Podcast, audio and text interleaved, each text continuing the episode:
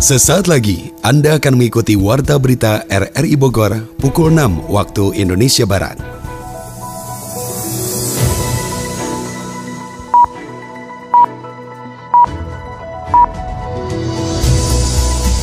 Selamat pagi, salam jumpa. Kami kembali hadir dalam Warta Berita pagi ini, Senin 27 Februari 2023. Siaran ini juga dapat Anda dengarkan melalui audio streaming RRI Play pada perangkat Android Anda, serta dapat Anda dengarkan kembali melalui podcast kami di Spotify, Anchor, Potel, dan Google Podcast. Berikut kami sampaikan berita utama. Bawaslu mengingatkan partai politik belum boleh berkampanye, hanya bisa mensosialisasikan logo, gambar, dan nomor partainya. Saat ini bagi Bawaslu masih dalam tahap sosialisasi ya boleh memasang baliho untuk sosialisasi Pemerintah Kabupaten Bogor defisit 400 miliar rupiah akibat angka sisa lebih penggunaan anggaran tahun 2022 tidak sesuai prediksi. Ketahanan pangan juga kita coba anggarkan kayak kayak pembelian beras tetap ada bukan subsidi ya itu untuk untuk ketahanan pangan kalau ada bencana. Sebuah rumah warga di Parung Panjang Bogor kebakaran akibat set top box atau STB TV meledak. Bersama saya Nasrullah Alwi, inilah Warta Berita RRI Bogor selengkapnya.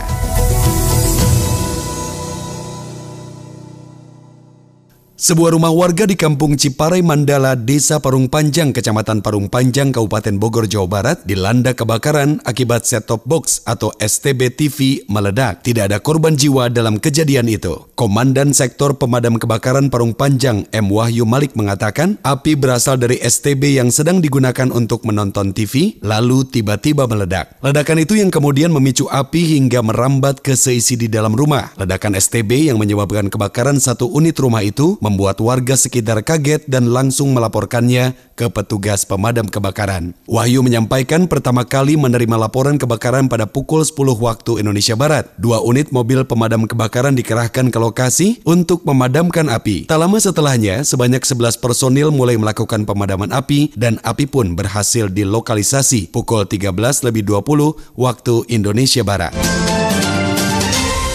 Pemerintah Kabupaten Bogor mengalami defisit sekitar 400 miliar rupiah lantaran angka sisa lebih penggunaan anggaran tahun 2022 tidak sesuai prediksi. Yofri Haryadi menyampaikan laporannya. Pemerintah Kabupaten Bogor mengalami defisit sekitar 400 miliar rupiah lantaran angka sisa lebih penggunaan anggaran tahun 2022 tidak sesuai prediksi. Dari alokasi APBD 2022, Pemkab Bogor mentargetkan untuk menyerap 93,4 persen, melampaui target target yang dicapai. Kepala Bagian Anggaran Badan Pengelola Keuangan dan Aset Daerah BPKAD Kabupaten Bogor Ahmad Wildan menyebutkan laporan keuangan Pemkab Bogor yang direncanakan pada 2023 ini hanya diperuntukkan untuk hal yang prioritas saja khususnya dalam program ketahanan pangan. Ketahanan pangan juga kita coba anggarkan kayak kayak pembelian beras tetap ada bukan subsidi ya itu untuk untuk ketahanan pangan kalau ada bencana kalau ada yang bencana kirim beras bulog kirim untuk ke dinas-dinas ya hanya kegiatan reguler seperti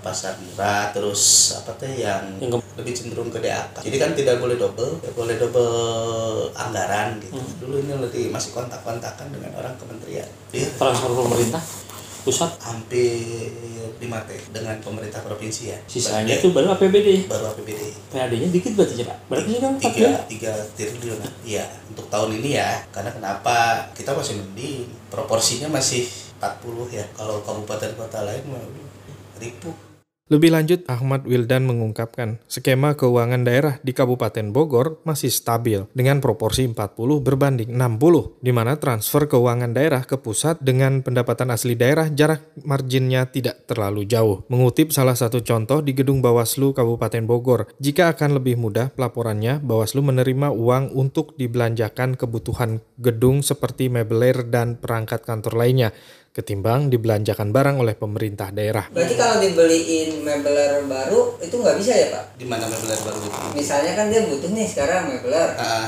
ya tinggal NPHD aja.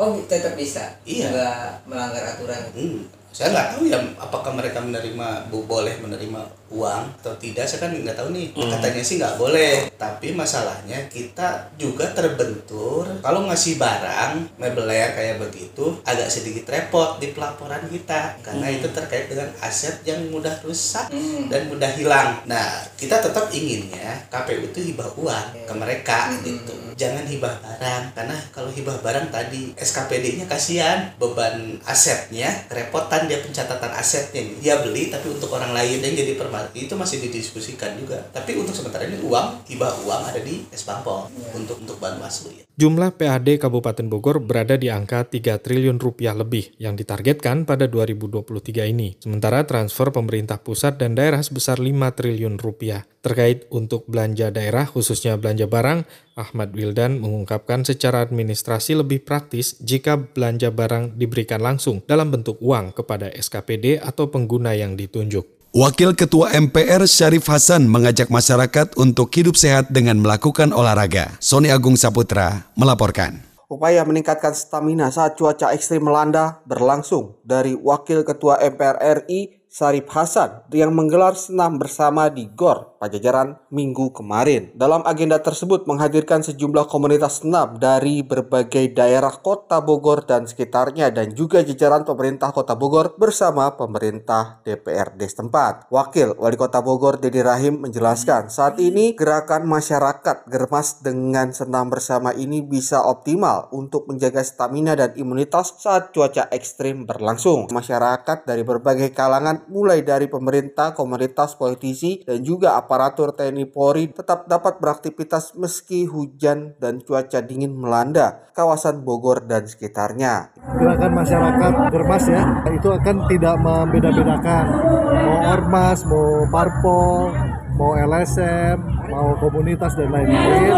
Dan semata-mata tujuannya adalah menggerakkan potensi masyarakat untuk hidup sehat. Hidup sehat ini harus ada representasinya.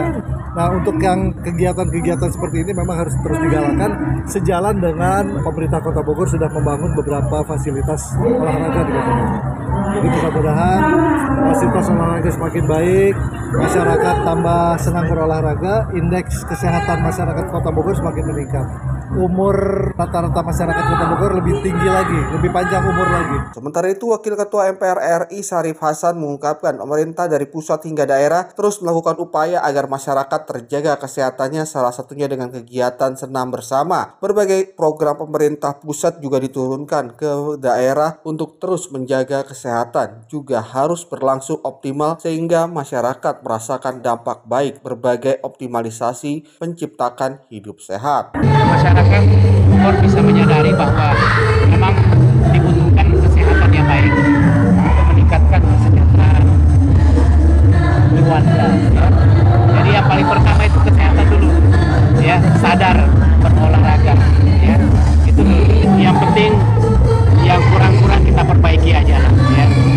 Tersebut, masyarakat tidak hanya bisa melakukan senam bersama, tapi juga bisa mendapatkan berbagai hadiah door prize mulai dari sepeda hingga umroh. Jalan Lingkar Dramaga 2 diharapkan mampu mengurai kemacetan di Bogor Barat, Kabupaten Bogor. Adi Fajar Nugraha melaporkan. Pemerintah Kabupaten Bogor masih melakukan kajian dalam mengatasi kemacetan yang kerap terjadi di wilayah Bogor Barat seperti di Kecamatan Dramaga. Pembangunan Jalan Lingkar Laladon Dramaga pun tidak serta-merta mengurai kemacetan di Jalan Raya Dramaga yang kerap dikeluhkan masyarakat. PLT Bupati Bogor Iwan Setiawan mengatakan pemerintah daerah tidak memiliki wewenang untuk melakukan pelebaran jalan sebab jalan tersebut statusnya milik provinsi atau nasional. Paling tidak pemerintah setempat bisa membuat sodetan untuk jalur alternatif yang bisa dilewati masyarakat. Kalau masalah macet kan puncak juga kalau dilebarkan juga tidak tidak jaminan itu macet akan selesai.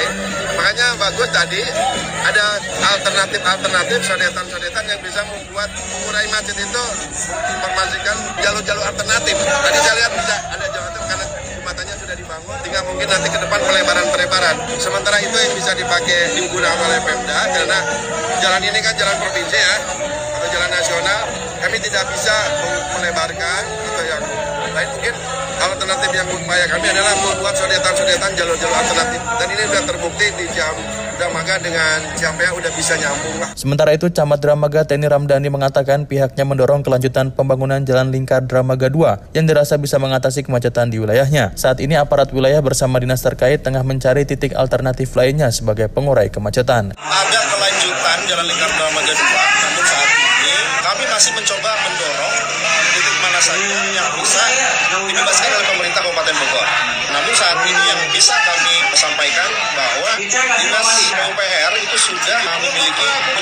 studies ya terkait pengembangan Jalan Lingkar Dramaga 2. Selain di wilayah Dramaga, kemacetan yang hingga saat ini belum bisa dimaksimalkan untuk diurai terjadi di beberapa wilayah lainnya seperti di kawasan wisata Puncak, Cisarua, Megamendung, dan wilayah timur Kabupaten Bogor sehingga dibutuhkan ruas jalan lainnya atau jalur alternatif untuk mengatasi kemacetan tersebut. Wah, asik makan-makan nih kita. Iya dong. Tapi kok menunya bakaran semua ya? Ayam bakar, daging bakar, ada sate, sosis bakar. Ih, kamu mah ini kan menu favorit aku. Gak suka ya? Suka sih, tapi aku tuh lagi ngurangin makanan dibakar-bakar gitu. Emangnya kenapa tuh? Yang pernah aku baca ya, makanan yang pengolahannya dibakar bisa memicu kanker loh. Seriusan itu? Iya, terus juga menurut data dari WHO, kanker ini jadi penyebab kematian nomor 2 di dunia loh. Waduh, serem juga ya. Makanya, aku tuh mulai mengurangi makanan kayak gitu dan menerapkan pola hidup sehat. Oh, gitu jadinya. Oke deh, aku juga mau ikutan kamu menerapkan pola hidup sehat. Terus-terus, makanan sebanyak ini mau dikemanain? Dikasih ke kucing aja. Ih, jangan. Daripada mubazir, kita jual aja. Ih, dasar. Disparbud Ekraf Kota Bogor, kolaborasi pelestarian budaya dengan ide kreatif dan inovatif. Sony Agung Saputra melaporkan. Dinas Pariwisata Kebudayaan Ekonomi Kreatif melakukan pembinaan pada generasi muda untuk bisa menjaga insan pelestarian budaya yang kreatif dan inovatif. Perkembangan zaman menuntut adanya generasi muda yang bisa menciptakan terobosan melalui kegiatan yang bermanfaat. Sebagai pelestarian budaya menjadi lebih optimal, Kepala Dinas Pariwisata Budaya dan Ekonomi Kreatif Ice Pujiati mengungkapkan peran generasi muda dalam upaya pelestarian budaya menjadi yang terpenting sehingga kolaborasi dengan berbagai komunitas menjadi keharusan agar bisa maksimalkan program yang saat ini sedang berlangsung. Kota Bogor menjadi salah satu kawasan yang banyak mempunyai bangunan cagar budaya sehingga pelestarian dan keberlangsungan berjalan dengan efektif untuk warisan di masa yang akan datang. Melalui peran generasi saat ini maka dengan adanya inovasi dan kreasi di berbagai media dengan kemampuan yang dimiliki maka bisa memberikan manfaat bagi perkembangan pelestarian di masa yang akan datang. Tentunya generasi penerus bangsa yang hebat itu merupakan generasi yang tidak pernah melupakan budaya bangsanya sendiri. Saya tentunya berharap pada generasi muda kreatif Kota Bogor teruslah berkreasi dengan tetap menjaga dan melestarikan budaya lokal. Minimal para generasi muda kreatif ini mau mempelajari budaya tersebut baik hanya sekedar mengenal atau bisa juga dengan ikut mempraktekannya dalam kehidupan kita serta ikut berpartisipasi apabila ada kegiatan dalam rangka pelestarian kebudayaan sehingga kebudayaan itu tidak musnah dan tetap bisa bertahan. Para generasi muda kreatif di Kota Bogor teruslah semangat berkreasi, tetap mengeluarkan kreasi-kreasi tanpa meninggalkan budaya lokal Kota Bogor yang sangat luar biasa. Dalam program 2023 ini SKPD juga akan melakukan berbagai terobosan untuk berkolaborasi dengan semua kalangan menampung ide kreatif menjadi satu gagasan besar pelestarian budaya dan kesenian dari berbagai daerah di Indonesia yang hidup dan berkembang di Bogor. Badan Pengawas Pemilu Bawaslu Kabupaten Bogor mengingatkan partai politik belum boleh berkampanye, hanya bisa mensosialisasikan logo, gambar, dan nomor partainya termasuk tokoh tokoh-tokoh yang akan dimunculkan dalam pemilu nantinya. Yofri Haryadi melaporkan. Maraknya baliho dan umbul-umbul bergambar tokoh politik dan logo partai politik di sejumlah jalan strategis di Kabupaten Bogor dipertanyakan warga. Selain belum masuk ke dalam masa kampanye, di satu sisi berkibarnya baliho tersebut merusak estetika kota, terutama di persimpangan jalan dan daerah padat penduduk lainnya. Menjawab hal itu pun Ketua Badan Pengawas Pemilu Bawaslu Kabupaten Bogor Irfan Firmansyah angkat bicara. Dijelaskan Irfan, untuk saat ini yang masih dapat dilakukan partai politik adalah mensosialisasikan logo, gambar, dan nomor partainya termasuk tokoh-tokoh yang akan dimunculkan dalam pemilu nantinya dan belum masuk pada masa kampanye. Adapun penindakan yang dilakukan untuk saat ini ada pada ranah ketertiban umum berdasarkan peraturan daerah dan bukan undang-undang pemilu. Terkait baliho yang saat ini marak, emang sih saat ini bagi Bawaslu masih dalam tahap sosialisasi ya. Boleh memasang baliho untuk sosialisasi memberitahukan kepada masyarakat logo partai nomor urut pengurus dan sebagainya tapi belum pada tahapan kampanye. Nah, untuk masalah penindakan saat ini pendekatannya adalah peraturan daerah, kemudian juga apa pajak dan sebagainya retribusi, maka kewenangan sekarang itu ada di pemerintah daerah. Beberapa upaya sudah dilakukan di antaranya, Pol PP di tingkat kecamatan di Kabupaten Bogor, di antaranya dengan menurunkan baliho atau spanduk bergambar partai atau tokoh partai politik. Penurunan itu pun dilakukan bersamaan dengan spanduk dan baliho komersial yang tidak membayar retribusi atau melanggar ketertiban umum. Anda tengah mendengarkan Warta Berita RRI Bogor.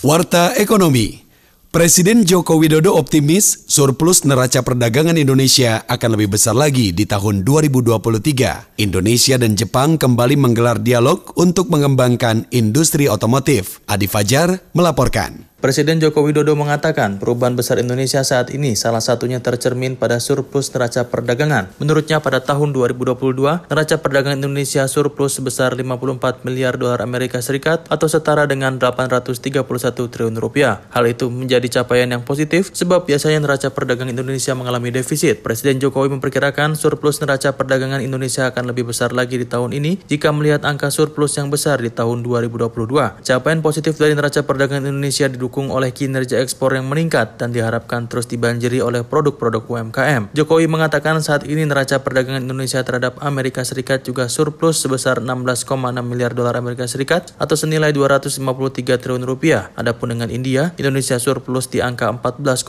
miliar dolar Amerika Serikat atau 215 triliun rupiah dan dengan Uni Eropa surplus 9,8 miliar dolar Amerika Serikat atau 149 triliun rupiah.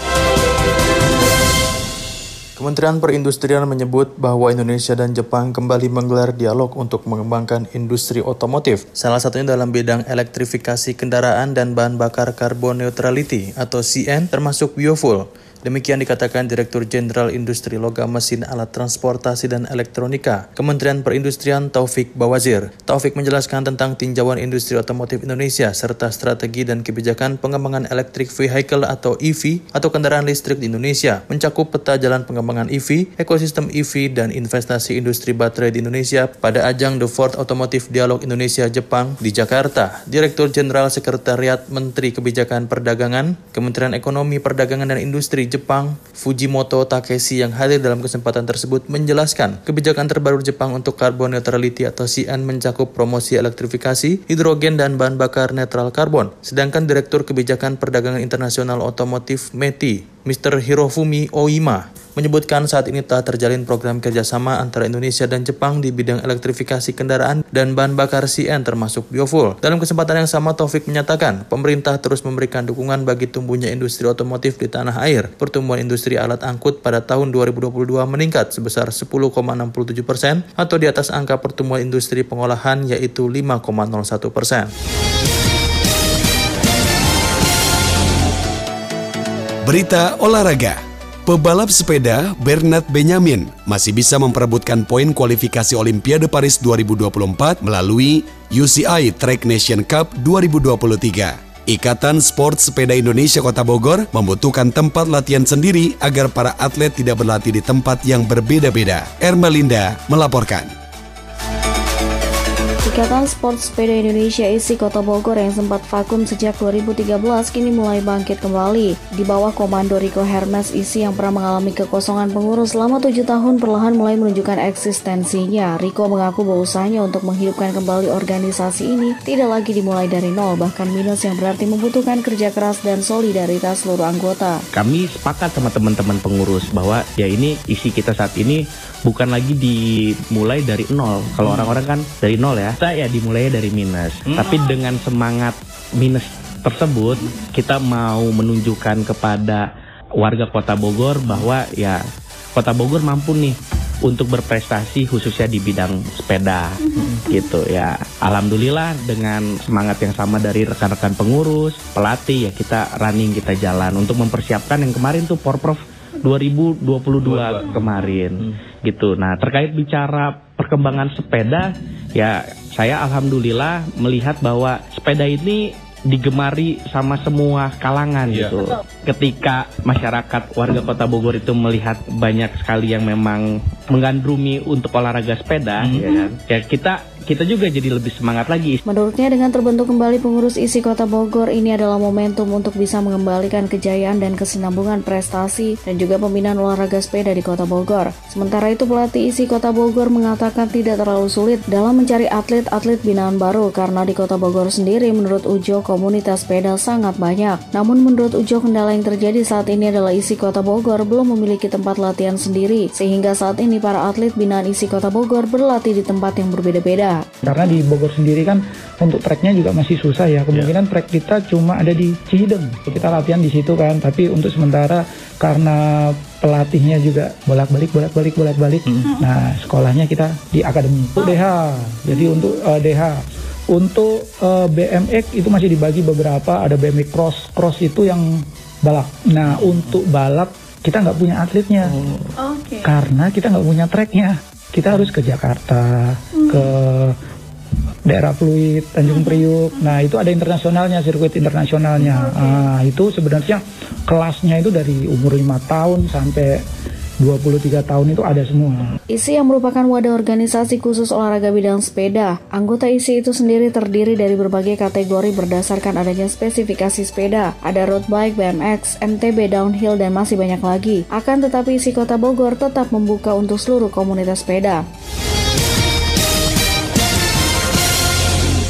Kepala pelatih tim balap sepeda Indonesia Dadang Haris Purnomo mengatakan masih ada peluang bagi pebalap sepeda Bernard Benjamin Van Aert untuk memperebutkan poin kualifikasi Olimpiade Paris 2024 melalui uji Tracks Nation Cup 2023 di Kairo, Mesir dan Milton, Kanada. Hal ini menyusul Bernard yang belum bisa lolos babak kualifikasi untuk nomor Omnium Putra. Ia harus berada di peringkat 16 dan tidak berhasil mengumpulkan satu poin pun. Menurut Dadang terdapat beberapa hal yang mempengaruhi penampilan Bernard di babak kualifikasi pertama tersebut. Pertama adalah strategi pengaturan peralatan atau gear sepeda yang kurang tepat sehingga membuat sang pebalap kelelahan. Lebih lanjut ia mengatakan, ini juga merupakan kali pertama Bernard mengikuti babak kualifikasi di kejuaraan dunia. Setelah sebelumnya pasti lolos untuk mengikuti babak utama. Selain itu, seri pertama dari UCI Track Nation di Jakarta dipenuhi oleh banyak negara dan ratusan pebalap untuk bisa memperebutkan poin Olimpiade. Meski demikian, Dadang mengatakan pihaknya akan berusaha maksimal untuk bisa menyiapkan Bernard dan juga para atlet sepeda Indonesia lain yang akan bersaing di UCI Track Nation 2023 selanjutnya. Pengalaman di Jakarta kali ini pun lanjut Dadang akan menjadi pelajaran di kejuaraan-kejuaraan penting lainnya dalam pengaturan strategi dan peralatan bagi para pebalap.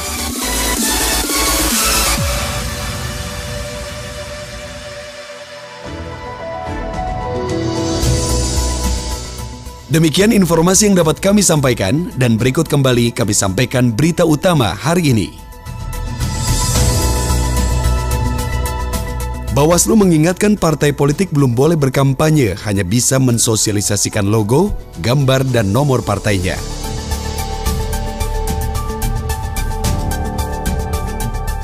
Pemerintah Kabupaten Bogor defisit 400 miliar rupiah akibat angka sisa lebih penggunaan anggaran tahun 2022 tidak sesuai prediksi.